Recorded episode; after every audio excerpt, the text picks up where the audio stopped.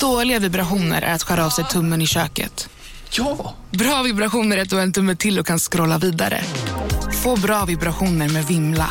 Mobiloperatören med Sveriges nöjdaste kunder enligt SKI. Välkomna sommaren med att... Res med Stena Line i sommar och gör det mesta av din semester. Ta bilen till Danmark, Tyskland, Lettland, Polen och resten av Europa. Se alla våra destinationer och boka nu på stenaline.se. Välkommen ombord! Kolla menyn. Vadå? Kan det stämma? 12 köttbullar med mos för 32 spänn. Mm. Otroligt! Då får det bli efterrätt också. Lätt! Onsdagar är happy days på IKEA. Fram till 31 maj äter du som är eller blir IKEA Family-medlem alla varmrätter till halva priset. Vi ses i restaurangen på IKEA.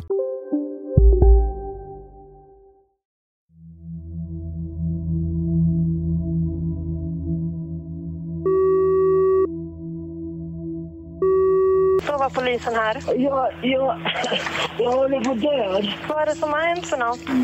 Det vet jag inte. Jag, jag, jag, jag är helt blodig. Ja.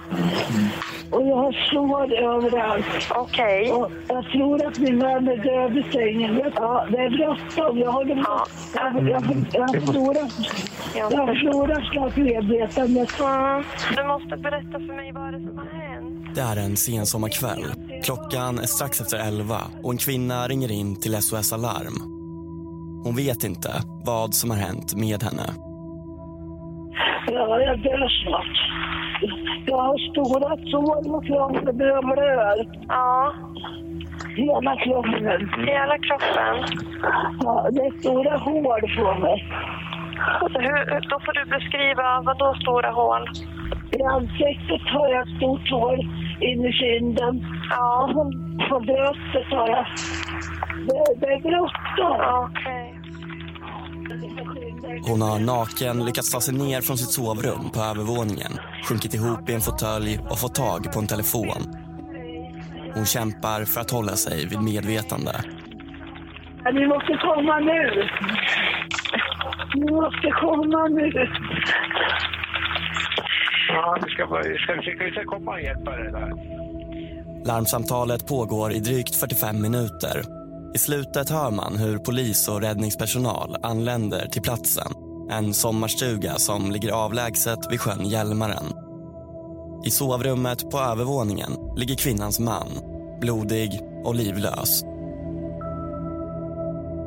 Några timmar senare, vid sextiden på morgonen knackade på dörren till en lägenhet i centrala Eskilstuna. Lägenheten tillhör en av parets döttrar, Johanna och polismannen som knackar på, Martin, har fått det tuffa uppdraget att lämna dödsbeskedet. När de satt sig vid köksbordet börjar Martin berätta. Johannas pappa är död, mördad och mamman ligger på sjukhus, allvarligt skadad och misstänkt för att ha utfört mordet. En tår rinner ner för dotterns kind. Efter en stund vaknar Johannas 11-årige son och kommer fram och sätter sig i mammas knä. Polisen Martin beskriver senare Johanna som ledsen och tagen men samtidigt lugn och tystlåten. Hon eh, hade inte så många frågor. Det här är andra gången på bara ett år som en närstående till Johanna gått bort. Nästan på dagen, ett år tidigare, var hennes man med om vad som såg ut som en drunkningsolycka vid samma sommarstuga. Ganska snart ska Johanna i media döpas till Arboga kvinnan och bli föremål för en sällsynt omfattande och dramatisk polisutredning. Här är Peter Nyheter och först om det så kallade sommarstugemordet. En 40... Polisen i Västerås utreder ett misstänkt mord. Det som kallas sommarstugemorden. Vi ska prata lite om eh, Arbogamordet. Arbogamorden, sommarstugemorden. Ett av de mest uppmärksammade kriminalfallen på länge, nämligen det så kallade Arbogafallet. Hon blir ju en av de absolut värsta kvinnliga brottslingar vi har hört talas om. Det ser inte ut så här på mordplatser. Punkt. Rättegången om de uppmärksammade morden i Arboga går idag in på tredje veckan. Vad, vad är det då den 42-åriga kvinnan påstås ha gjort?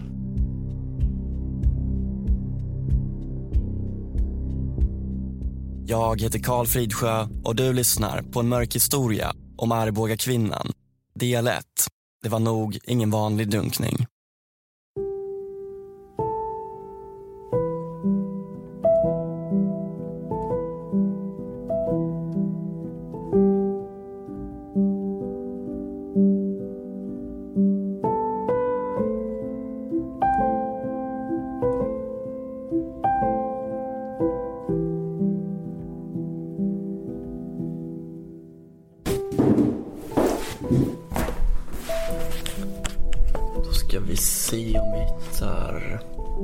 Jag sitter och tittar på ett gammalt klassfoto.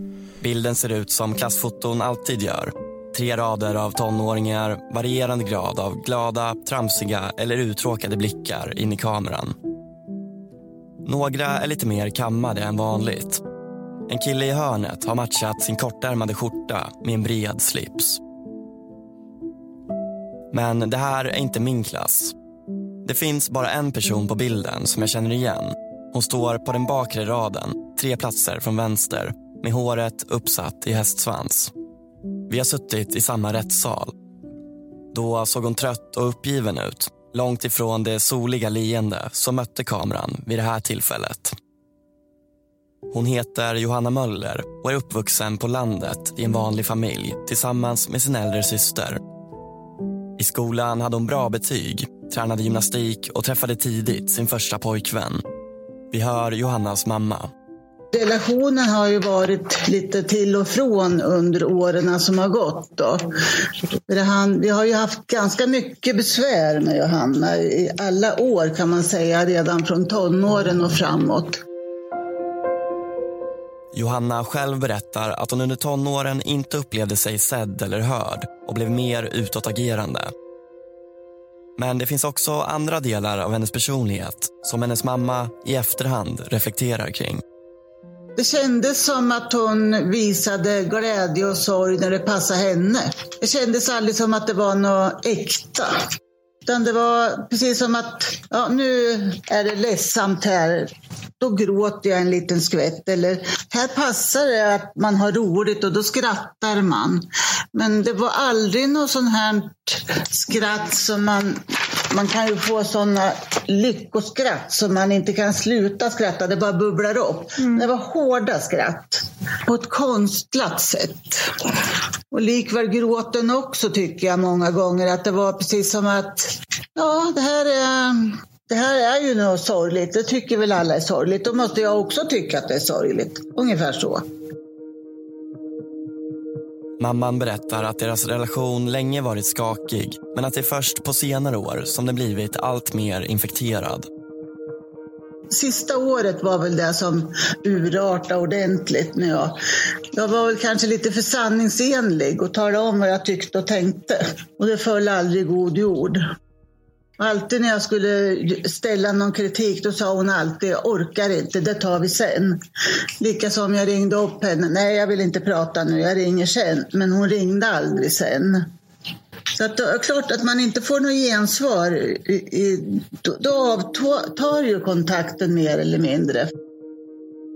Johannas syster, vi kallar henne för Charlotte, beskriver hur hon alltid haft ett gott öga till sin lilla syster Ja, hon, är, hon är jätte, jätteskicklig på att läsa människor. Och eh, hon är väldigt, väldigt skicklig på att eh, säga det vad man, man vill höra. Hon, jag upplevde ju att det, allt hon sa till mig hon stöttade mig med olika saker, kanske när det gällde barn. Och jag kände liksom att fasiken, det där är ju mitt i prick liksom. Eh, så att jag, jag Nej, men jag tog ju hela betet. Liksom. Jag, jag hade ju hela tiden Johanna, positiva Johanna-glasögon på mig. Hon var ju min syster. Hon är ju min syster. Mm. Så att jag tolkade ju liksom hela tiden allting hon sa till hennes favör.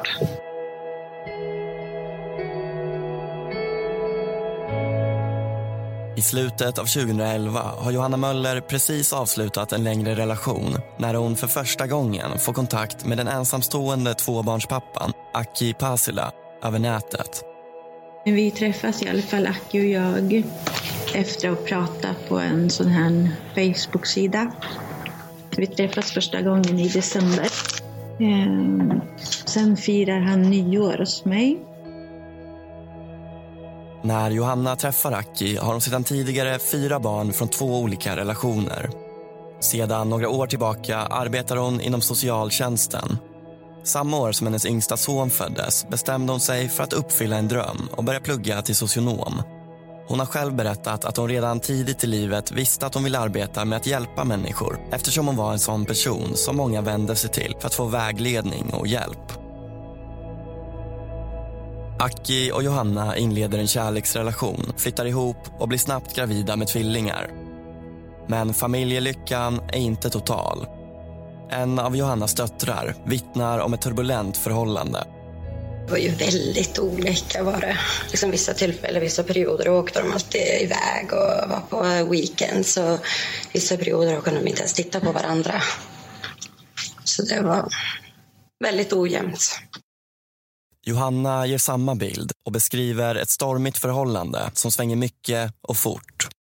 Vårt förhållande det var jätte, jätte berg och dalbana men vi älskade varandra och valde att satsa på. Vi, vi, på något sätt så kunde vi inte vara utan varandra samtidigt som ibland så kunde vi hata varandra. Men vi hade de här. Mm. Peka på en bild på tvillingarna. Mm.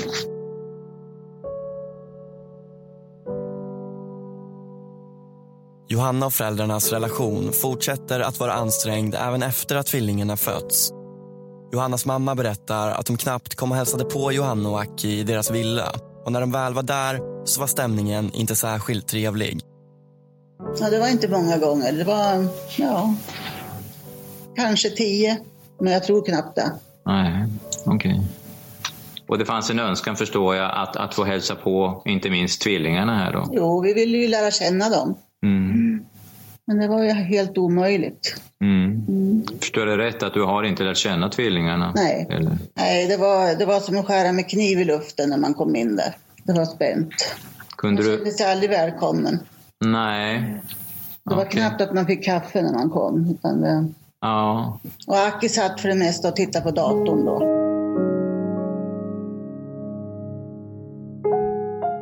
Johanna försöker få tillvaron att gå runt på en socionomlön med sex barn och dyra vanor.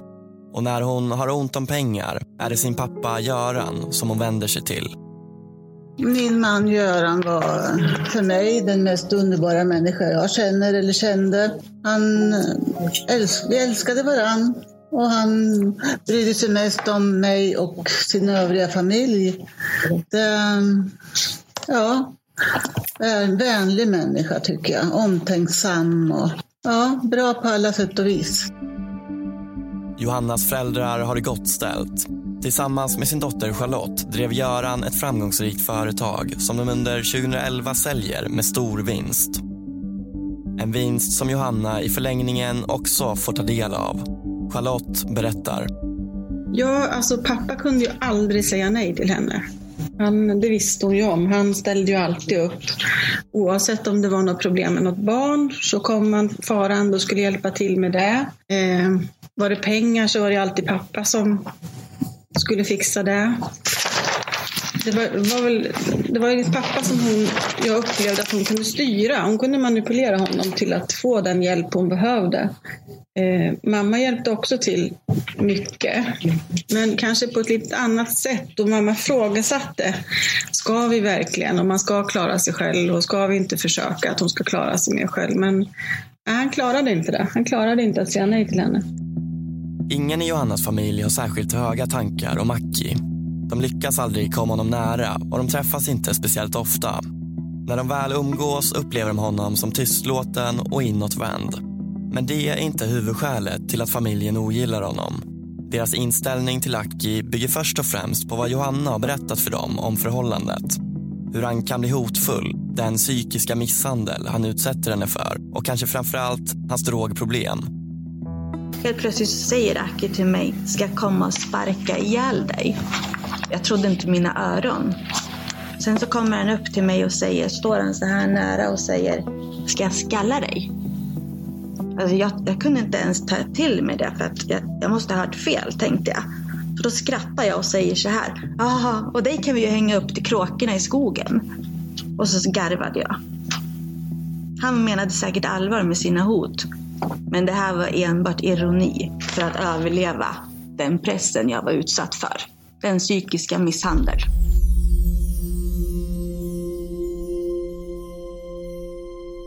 Det Johanna beskriver är ingenting som systern eller föräldrarna själva har upplevt.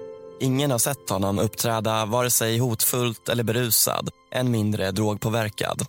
Men det Johanna berättar om förhållandet börjar göra framförallt pappa Göran orolig. Särskilt som det med tiden bara tycks bli värre. Ja, vid ett flertal tillfällen så ringer hon till Göran och säger att nu, har han, nu är han helt tokig, Aki, så nu måste ni komma och hämta mig. Ja, och Göran var ju, jag, jag försökte lugna honom och sa vi väntar lite, vi väntar. Men det gjorde vi aldrig, utan vi åkte direkt.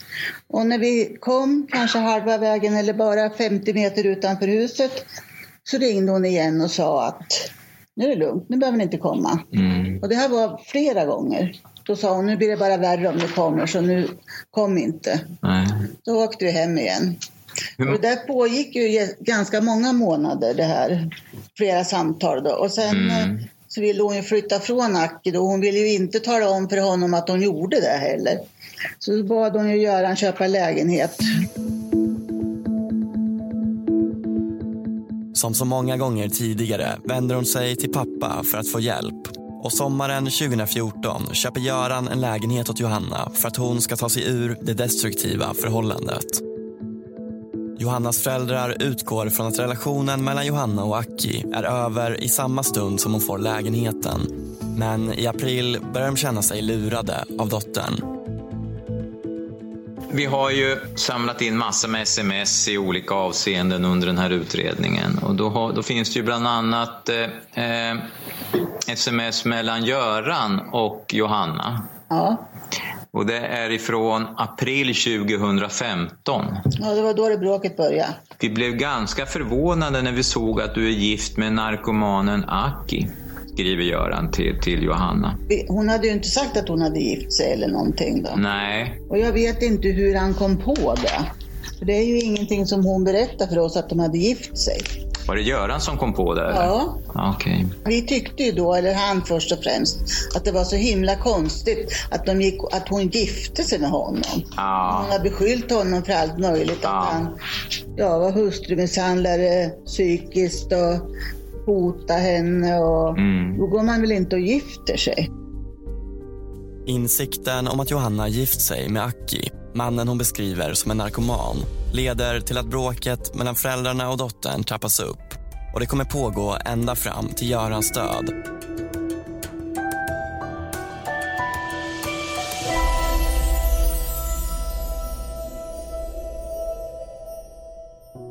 Exakt hur Johanna och Akis relation ser ut efter att de flyttar isär är det svårt att få en tydlig bild av. Men Johanna menar att det blev bättre mellan dem efter att de fått lägenheten. Enligt Johanna hade hon och Aki långt gångna planer på att flytta till Strömstad tillsammans. De ville komma bort från allt och börja om på nytt. skulle mer eller mindre fly för att kunna satsa på vår relation och våra två små tvillingar. Vi ville säkra upp, för jag visste att om jag skulle flytta då skulle jag aldrig, aldrig mer kunna ha någon kontakt med min familj för då skulle de tycka att jag hade svikit dem så oerhört mycket. Samtidigt vet vi att Aki i juni 2015 träffat en ny kvinna som han inlett en relation med. Johanna säger sig inte veta någonting om detta men enligt flera personer ska förhållandet ha pågått helt öppet och Akis familj vittnar om att han redan skrivit under skilsmässopapper. Johanna minns visserligen att Aki skickar en skilsmässoblankett till henne men eh, det var ingenting hon tog på allvar. Ja, jag vet att han hade skickat den till min mail. Eh, typ samma vecka vi kom hem från vår bröllopsresa. Men det, det, är- det visar verkligen hur eh, han försökte trycka ner mig. Vi hade precis gift oss och så skickade han en sån blankett till mig. Det är helt sjukt. För att jag skulle tycka att jag inte var skulle vara säker. Liksom.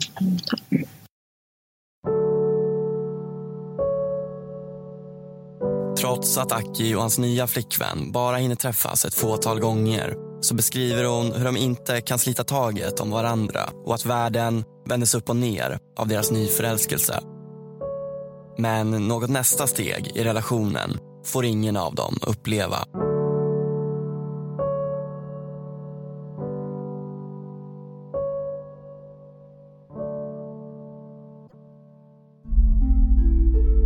Det är torsdagen den 6 augusti 2015 och Aki kommer till Johannas lägenhet för att hämta upp tvillingarna. Han har planerat att tillbringa helgen tillsammans med dem och sin nya flickvän och tanken är att han ska åka till henne efter att han hämtat barnen. Av någon anledning kommer han aldrig iväg utan blir kvar hos Johanna. Vid halv tre-tiden dagen efter lämnar Aki Eskilstuna tillsammans med tvillingarna och Johanna för att bege sig till hennes föräldrars sommarstuga i Granliden. Aki har nyligen fyllt år och Johanna vill fira honom med en romantisk helg på landet. På vägen till stugan stannar de vid ett köpcentrum. Utöver skaldjur, ostar och andra delikatesser inhandlas bland annat ett kilo entrecote, flera flaskor mousserande, sprit och öl. Runt klockan fyra på eftermiddagen kommer de fram till sommarstugan. Vad som händer sen har vi bara Johannas vittnesmål på. Sen när vi kommer fram så är vi ute på gården lite. Dricker lite vin och barnen leker. Aki filmar barnen med sin telefon och tar jättemycket kort. Eh, sen går vi neråt bryggan, kanske vid halv sju någonting. Och lägger ut lite kräftburar. Sen tror jag att vi gick upp och hämtade maten och sen gick ner igen och satte oss åt. Johanna beskriver hur de under middagen framförallt diskuterar planerna på att flytta till Strömstad och hur Aki, som är ivrig på att komma iväg, uppmanar henne att ligga på om jobbet hon sökt där och mejla in de referenser som arbetsgivaren efterfrågat. Han sa att eh, jag flyttar även om inte du flyttar med. För han ville verkligen komma bort. Han berättade att han hade gjort så en gång förut när han var 18. Så flydde han också, flyttade och inte meddelade någon. Folk trodde att han hade dött. Nu vill han göra på samma sätt för att slippa alla synpunkter och åsikter. Han ville berätta när vi väl var på plats. Men sen tar middagen, enligt Johanna, en otrevlig vändning. Under kvällen där så föreslår jag att vi kanske ska köpa en tomt istället av min pappa. Så att våra barn skulle kunna ha lättare att komma till oss. För jag skulle haft väldigt svårt att lämna Men det ville han absolut inte. Så vi blev väl typ osams kring det. Sen så tyckte han väl inte att jag hade gjort en tillräckligt fin födelsedagsmiddag till honom. Så han typ kastade sin mat på mig. Sen ungefär kanske vid tio, kvart över åtta. Mitt minne var nio, men så går jag upp med barnen. Och så är vi uppe vid huset en stund. Och sen går vi in.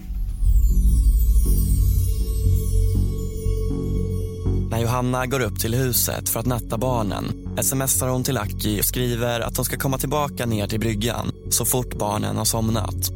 Totalt skickar hon 16 sms till Aki mellan 20.19 fram till 22.55 utan att få något svar.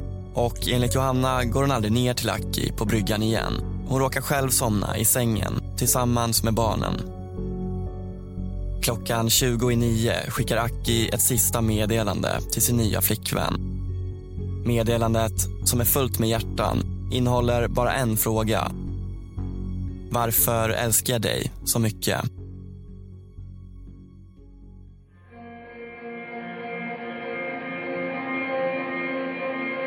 Morgonen efter födelsedagsfirandet vaknar Johanna tidigt, runt sex på morgonen. Då går jag alltid ner och sätter på kaffe och ger barnen tutteflaska med nyponsoppa eller juice eller någonting.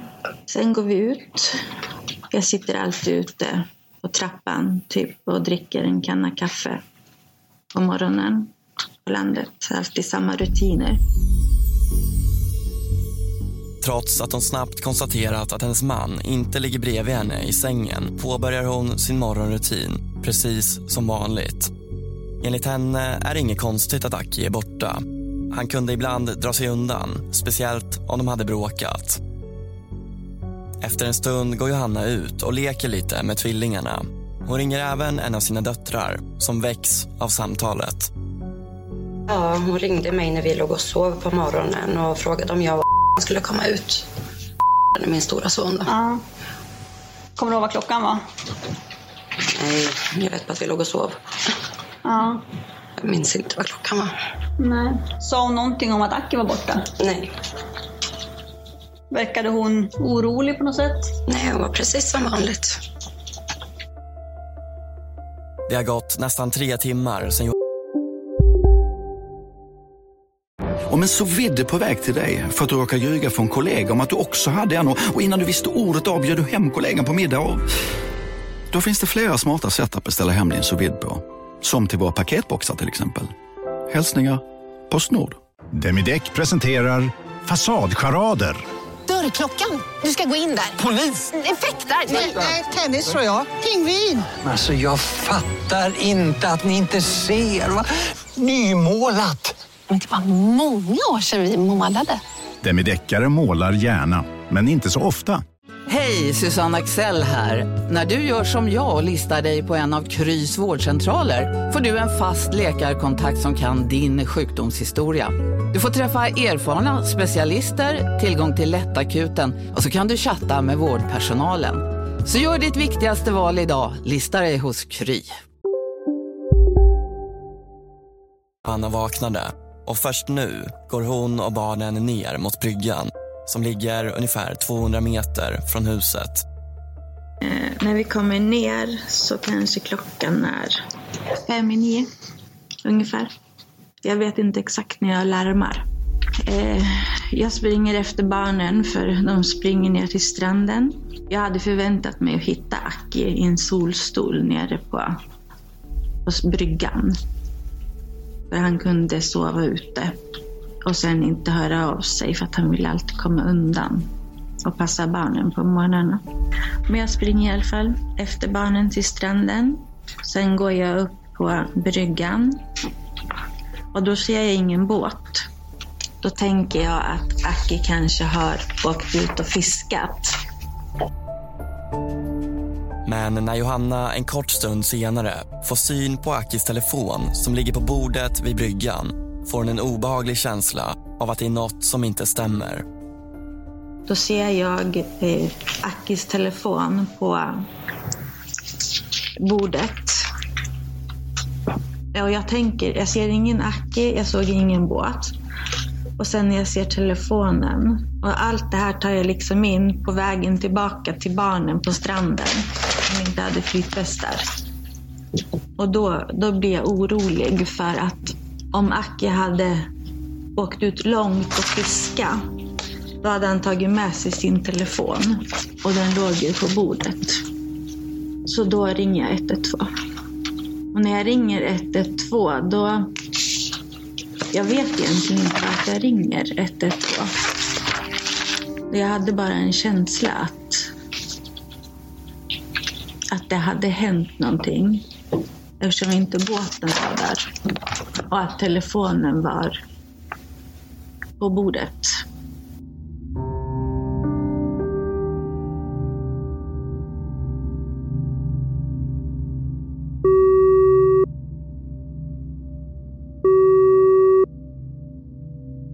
Han är försvunnen egentligen sedan igår kväll då i Hjälmaren. Ja, jag tror det. Ja, för båten, båten är borta och du hittar inte honom nu och han kan ha varit borta ända sedan igår kväll. Ja. Hon vet inte exakt vad det är som hon misstänker kan ha hänt. Men magkänslan driver ändå Johanna att ringa SOS Alarm. Ett larmsamtal som senare kommer spelas upp i rätten. Eh, vad är det för slags båt? Mm. Vad är det för slags båt? Vet du det? Är det en liten båt eller? Ja, det är en liten båt. En liten båt, bara en liten typ, man åker ut och fiskar då liksom en liten Ja, ja. motorbåt då, eller vad är det för typ av Nej, ja. Det är roddbåt. roddbåt? Men har han, har han rott ut menar du eller? Jag vet inte. Och ni, Mitt under samtalet får Johanna plötsligt syn på båten. Den har drivit i land och ligger och guppar i vassen en bit bort. Ja, men nu tror jag att jag ser båt. Okej, var ser du båten någonstans? Där. Ligger den på land så att säga eller? Ja, den har drivit till land. Den har drivit i land? Har de hittat båten? Har du hittat båten nu? Har du, ser du honom eller? Nej. Du ser inte honom, så, men du tror att han i så fall kan vara i vattnet? Jag vet inte. Det är alltså en person försvunnen i vatten. Eh, förmodligen då utanför. Johanna berättar att Aki gett sig ut med roddbåten kvällen innan och att hon inte sett honom sedan dess. Vi har larmat vår helikopter mot området här och eh, även räddningstjänsten på, i området här kommer komma till där. Eh, vad, vad brukar, är han sjövan? Ja, Vad tror du har hänt? jag vet inte. Alltså, vi... Han skulle komma upp till huset, men han kom aldrig upp igår kväll. Så somnade väl jag av det. Sen i morse när vi tänkte, då var han väl kanske här nere, men nej. Eh, eh, har han flytväst när han är på sjön? Nej, det tror jag inte. Eh, är han flyt, är han simkunnig ordentligt? Ja. Eh, var han ute för att fiska eller? Ja, jag tror det. Ja.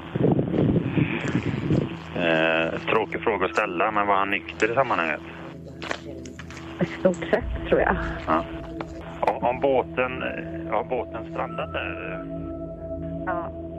Patrik, en deltidsbrandman, är bland de första på platsen. Under tiden som hans kollegor lastar i och åker ut med räddningsbåten börjar han söka av närområdet längs stranden. En annan brandman har redan gjort det, utan att hitta något. Då var solen fortfarande skymd. Nu strålar den rätt ner i det grumliga vattnet och när Patrik kliver ut på bryggan uppenbarar sig kroppen, klart och tydligt. Aki ligger på rygg med händerna upp mot den spegelblanka vattenytan. När du ser honom, försök att beskriva precis hur ligger han i förhållande till bryggan. Eh, bryggan är ju rätt ut i vattnet. Sen går det en smal brygga på vänster sida. Ut i vattnet en bit. Då ligger han alltså med fötterna mot den lilla bryggan och huvudet rätt ut så. I vinkel. Huvudet ut mot vassen. Och han ligger på rygg. Med händerna uppåt. Vi har ju en bild, vi har eh, sidan 53 i protokoll, eh, tilläggsprotokoll 2, där jag tror att du själv har varit med och bidragit till den här bilden. Ja. Om vi tittar här. Mm. Eh, där ser man då hur, hur kroppen där ser i förhållande till bryggan. Ja, Stämmer den här? den stämmer. Den har varit med och tagit fram. Den har du varit Bildmontaget som det här visas till kan du själv se på vår Instagram eller Facebook-sida. Polisen Marie är den som berättar för Johanna att Akis kropp har påträffats i vattnet. Och eh, Johanna reagerar ju som vilken människa som helst. Liksom hon, man ser på henne, liksom, hon sätter händerna för ansiktet och liksom sjunker ihop och liksom blir sådär, ja, vad ska jag säga, men hon blir ju Ja, man ser ju på henne liksom, liksom att, att hon, ja, men hon sjunker ihop och liksom sätter händerna och liksom blir liksom lite halvledsen sådär. Halvledsen. Ja, hon har händerna för ansiktet och man ser liksom inte riktigt liksom hur sådär. Du ser inte hennes ansikte. Nej, du ser hon är inte... ganska sammanbiten hela, under hela... Hon är sammanbiten, liksom eh, nollställd kan man säga. Marie poängterar att alla reagerar olika på dödsbesked. Det finns inget rätt eller fel sätt. Men ju mer tid hon tillbringar med Johanna desto påtagligare blir känslan av att något inte är som det ska. Alltså den ena stunden så liksom bröt hon ihop och så nästa stund så var det liksom som att hon var som vanligt. Eh, otroligt sammanbiten var hon. Det, jag kan inte säga att hon satt och var glad och, och sådär men hon, men, men liksom nästan som att ju längre vi var där så kändes det som att ska ni inte åka snart? Liksom. Mm. Hon är inte så speciellt intresserad av liksom, eh, vart är han anträffad, hur ser han ut och eh, vad händer nu och liksom Nej. hon, hon är väldigt tyst. Och när man försöker ställa en fråga så svarar hon väldigt sparsamt. Det är väldigt sparsamt liksom. Poliserna frågar även Johanna om de inte ska ringa efter någon anhörig som kan stötta henne. Det vill hon inte, i synnerhet inte hennes föräldrar. De är på semester och får inte störas. Efter ett par timmar går hon slutligen med på att hennes dotter kan kontaktas. Utan att närmare förklara vad saken gäller ber personalen dottern att komma ut till Granliden. Någonting har hänt och hennes mamma behöver stöttning. Hon sätter sig i bilen och åker dit. Så när du åker ut till Granliden så vet inte du varför egentligen? Nej, jag tror inte att jag visste varför. Bara att hon, att polisen, om det var polisen eller brandmannen eller någon som ringde mig, att de var där ute. Och det enda jag kunde tänka på vägen ut är, har, nu har hon lyckats. Tänkte du så? Ja. Det är inte en efterhandskonstruktion utan så, Nej, det... så tänkte du? Ja.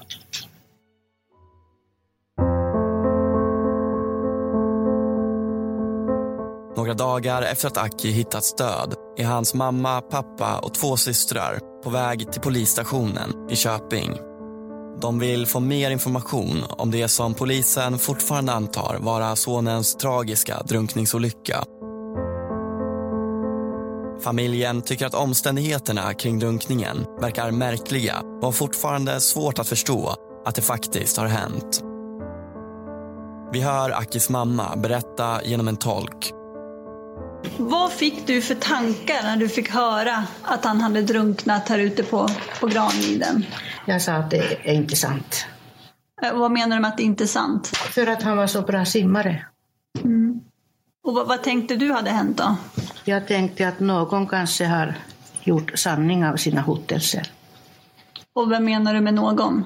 Johanna hade hotat honom. Den bild som Johanna har målat upp av Aki som en oberäknelig drogmissbrukare stämmer nämligen inte alls överens med den som hans familj ger. De beskriver istället en man som var rädd för sin fru. En fru som hotat att hänga honom och att Aki bett familjen om hjälp att fly från Johanna medan hon var på jobbet av rädsla för att hon skulle märka något. Nu börjar de misstänka att Johanna kan ha någonting med drunkningen att göra. När framförde ni då de här misstankarna till polisen att allt kanske inte stod rätt till? Ja, var det vid det här besöket i Köping eller var det vid flera tillfällen? Ja, det var då när vi var i Köping. Det var veckan efter, om det nu var onsdag, jag minns inte. Det kanske var onsdag. Och då framförde vi att vi inte tyckte att det var en normal drunkning. Kommer du ihåg vad ni, vad ni sa, eh, ja, vad, vad ni angav för skäl till det då? Det här nog inte var... Ja, på grund av hotelserna och det här sticket som han hade fått. Förlåt? Sticket. Sticket. Sticket, som mamman kallar det, är ytterligare en av de saker som fått familjen att oroa sig för Aki under de senaste åren. Det är efter en Egyptenresa tillsammans med Johanna som Aki kommer hem med en svullen arm och mår dåligt. Han berättar för sin syster att Johanna under resan gett honom någon slags spruta. Visste han vad, vad, vad som var i den här sprutan han fick då? Och vad det var för medel i den? Nej, det berättade han ingenting om. Men att han sökte på Eskilstuna sjukhus och fick behandling där. Den där sprutan hamnade inte i kärlen, alltså blodkärlen, utan i muskler. Mm. Och efter att han hade fått vård i Eskilstuna sjukhus så hade han frågat Johanna om din avsikt var att döda mig. Och det hade inte Johanna gett något svar på. Men polisen tar inte familjens oro på allvar den dagen. Och en tid därefter bestämmer man att inte inleda någon förundersökning. Det finns enligt dem ingen anledning att misstänka att något brott begåtts i samband med Akis död. Det ska dröja över ett år innan det går upp för polisen att den slutsatsen var förhastad och att man förmodligen borde gjort en ordentlig brottsplatsundersökning.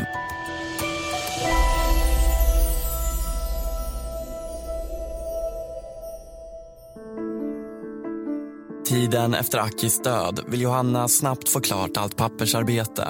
Hon lämnar in bouppteckningen, undertecknad av henne och vittnen och gör en anmälan till If för att få ut Akis livförsäkring på 2 miljoner kronor. Jag är sån som person. Jag, för att överleva så gör jag alltid alla obehagliga saker på en gång. Och sen går jag vidare. Men det här jag minns när jag satt på jobbet och mejlade If. Och jag mejlade om jobbet jag inte skulle skicka referenser till. Jag satt och grät på jobbet och mina kollegor sa åt mig gå hem. En person i kris ska inte jobba med människor i kris.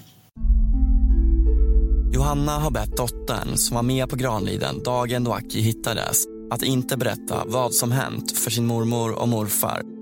Om de frågar ska hon säga att Aki dog i lägenheten på grund av förstorat hjärta. Och tiden efter drunkningen ska Johanna fortsätta tumma på sanningen när det gäller omständigheterna kring makens död. Till Akis exfru säger hon att Akis hjärta lav, av, förmodligen på grund av droger.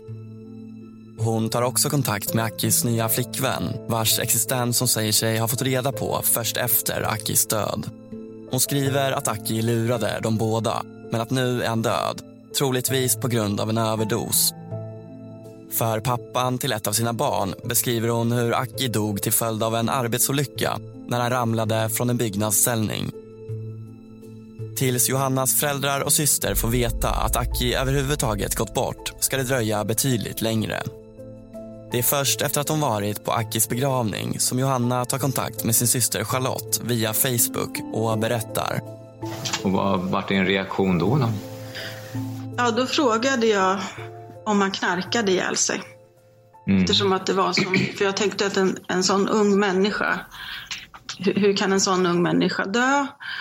Och eftersom att hon hade sagt att han höll på med narkotika så, så vart det en reaktion hos mig där jag frågade, knarkade han ihjäl sig? Mm. Fick du något svar på det? Eh, nej, hon sa först, först innan det så sa hon, det var någonting med hjärtat. Hur dog han? Det var någonting med hjärtat, sa, han, sa hon då. Och då frågade jag, knarkade han ihjäl sig? Mm. Eh, och, då, och då så sa hon, ja kanske, för det var ju något med hjärtat. En tid är det också det som familjen tror har hänt med Aki. De har inte något annat än Johannas ord att gå på. Men det förändras när mamman är uppe i Johannas lägenhet och råkar se Akis obduktionsrapport. Sen var jag på att vara barnvakt någon gång och det var ju lite senare då. Då hade hon fått det här protokollet från Uppsala och det låg uppslaget på köksbordet. Var det obduktionen? Där? Ja. Mm. Så jag såg det. Jag var inte och rotade i några papper utan det låg helt uppslaget. Och där stod det att han hade drunknat. Och i- vid en sjö. Det stod inte uttryckligen Hjälmaren eller Storsjön eller något. Mm. Och sen då konfronterade jag henne med det. Nej, han har dött av hjärtinfarkt eller stor- förstorat hjärta eller vad hon sa. Jag gick inte in i clinch med henne. De får ju säga vad hon vill då, men jag visste ju då. Mm. Jag visste ju inte var. Och sen blev det mera höst och vinter eller december eller januari någonting sånt. Då var Göran och jag vid Granliden, för vi var ju där året om. Månaderna går och det blir vinter och Johannas mamma och pappa är ute på Granliden. Det är först då de av en ren slump förstår hur allt hänger ihop. Eh, då hade jag varit upp till brevlådan och hämtat posten. Och då var det en sån här gratistidning som man kan få en gång i månaden. Och då var det året som har gått i Arboga stod det. Mm. Det var på frukost och jag satt och läste den där och sen fick jag se. Ung man i 40-årsåldern har drunknat på Granliden. Sen läste jag vidare och det var datum, samma datum som han hade dött. Enligt Johanna då, 7-8 augusti. Och sen så stod det att han hade drunknat på Granliden. Mm. Då förstod ju vi. Göran och jag tittade på varandra och sa, ja, så var det säkert. Vad tänkte du då, då när, när du fick höra att eh, Aki hade drunknat för Granliden? Jag tänkte det var nog ingen vanlig drunkning.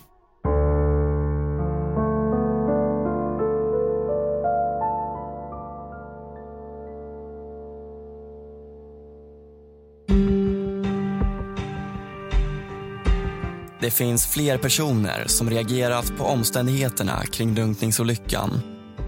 Johanna känner inte till det, men hennes anspråk på Akis livförsäkring har triggat varningsklockor hos handläggaren på If. Och en av bolagets utredningsinspektörer, Mårten, får ärendet på sitt bord. Och eh, det var den här eh, livsskadan då på Aki Passila som det handlade om och anledningen till att Anna kontaktade mig det var att det var förhållandevis ganska högt belopp, 2 miljoner. Och eh, försäkringen var nyss tecknad, den var, det vill säga den var tecknad i januari 2015 och det är, det är en av de så att säga, varningsflagg som branschen, eller If, besitter då, mm. där, där vi ska kontaktas. Så att det var eh, eh, det var väl egentligen de två kriterierna som var inledningen till att jag kontaktades. Eh, sen när jag fick det på mitt bord så ehm, eh, utredde jag vidare eh, små detaljer så som att vi fann då att de var nyss gifta, de här två. Eh, Johanna Möller och Aki Pasila. Och sen fortsatte jag vidare utreda och fann också då att, att eh, de inte var sammanboende. Vilket vi tyckte var lite konstigt. Kommer du ihåg om det var något mer just vid själva ansökandet som, som ni reagerade på? Tänk lite grann på kontaktuppgifter och sånt. Ja, vi reagerade ju på Johanna Möllers... Eh, eh det, allting All korrespondens skedde från en och samma mejladress, Johanna Möllers. Men det finns också en annan detalj i samband med anmälan som gör att handläggarna på If börjar bli misstänksamma. Eh, den, den, den sker osedvanligt kort tid efter dödsfallet. Dödsfallet äger ju enligt uppgift rum 8 augusti. Och anmälan inkommer per internet då den 12 augusti, vilket är extremt kort tid och eh, eh, det är ganska ovanligt också att man gör en, en anmälan för de här skadorna via internet, via nätet. Man brukar vanligtvis ringa in. Men, men tiden fyra dagar, det, det är väldigt kort tid. Det vanliga i sådana här fall är att det tar flera månader innan de efterlevande skickar in anmälningar till försäkringsbolaget Sammantaget leder det här till att If vill gräva vidare innan några pengar betalas ut och de inleder en omfattande utredning. Vi, vi kommer fram till, den här utredningen är ganska omfattande. Mm. Eh, det innefattar allt från att begära ut SOS-samtal till telefonlistor via fullmakt. Då. Samtal med Akis eh, eh familj och, och eh, dåvarande flickvän, eh, föräldrar, syskon. Medan Ifs utredning pågår och försäkringspengarna dröjer har Johanna en annan idé om hur hon ska få ekonomin att gå ihop. Hon och en tidigare kollega, vi kallar henne Jeanette, har sett en möjlighet att starta företag tillsammans. Alltså, tanken var att vi skulle eh, öppna ett vårdbolag som kunde hjälpa socialtjänsten att rekrytera familjehem. Johanna och Jeanette gör slag i saken och tre månader efter Akis död registreras Johanna hos Bolagsverket som VD för Pangelius familjehemsvård AB. Johanna kunde eh, bistå med utredningar kring familjerna som socionom. Eh, och eh, eftersom vi båda hade också jobbat inom socialförvaltningen så visste vi att behovet var stort och att vi kände att vi kunde hjälpa till. Trots att bolaget gör en kortlivad karriär ska det hinna generera tiotals miljoner i intäkter och stå i centrum för flera skandaler. Samtidigt, hundratals mil därifrån, har en ung kille påbörjat sin resa till Sverige. I jakt på ett bättre liv ska han utan pass korsa över tio landsgränser innan han slutligen stöter ihop med en 41-årig kvinna i Arboga ett möte som kommer få förödande konsekvenser.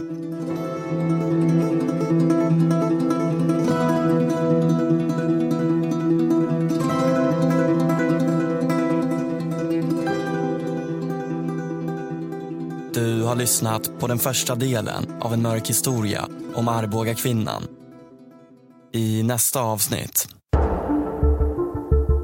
De förtjänade att dö. Ja, det är de förtjänade. Ja.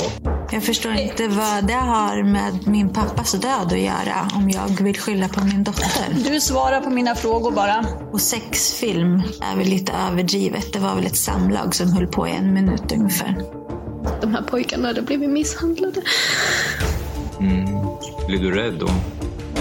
Det var där hela historien börjar med henne. Och hennes hat. Jag litar inte på henne min vän. Jag vet själv. Jag har varit inne i henne. Den här branschen, det är Sveriges nya knarkhandel. Fruktansvärt mycket pengar. Prenumerera i din podcastapp så får du en notis när nästa del kommer. En mörk historia är producerat av mig, Karl Fridsjö och Joel Silberstein Hont. Musiken är från Epidemic Sound med undantag för vissa pianostycken som är komponerade av Ola Claesson. Mer av hans musik finns på Spotify. Diskutera gärna avsnittet i våra sociala medier. Där hittar du också extra material och information om kommande avsnitt. Tack för att du har lyssnat.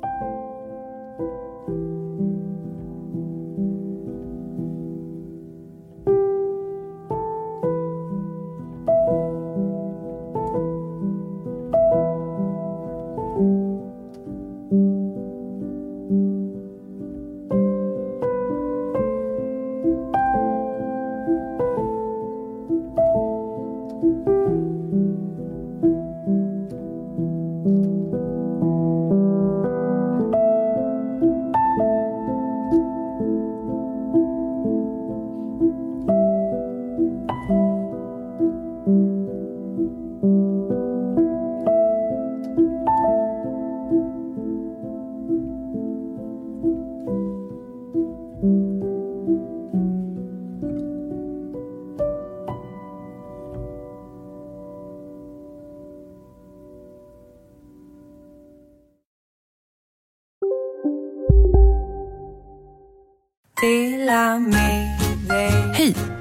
En av dem som tycker om att dela saker med andra? Då kommer dina öron att gilla det här. Hos Telenor kan man dela mobilabonnemang. Ju fler ni är, desto billigare blir det. Skaffa Telenor familj med upp till sju extra användare. Välkommen till någon av Telenors butiker eller telenor.se. Bara på Storytel. En natt i maj 1973 blir en kvinna brutalt mördad på en mörk gångväg. Lyssna på första delen i min nya ljudserie. Hennes sista steg av mig, Denise Rubberg. Inspirerad av verkliga händelser. Bara på Storytel. Här sitter jag i en ljudstudio tillsammans med ett sjölejon för att berätta att McDonalds nu ger fina deals i sin app till alla som slänger sin takeaway förpackning på rätt ställe. Även om skräpet kommer från andra snabbmatsrestauranger, exempelvis Eller till exempel... Ja, precis.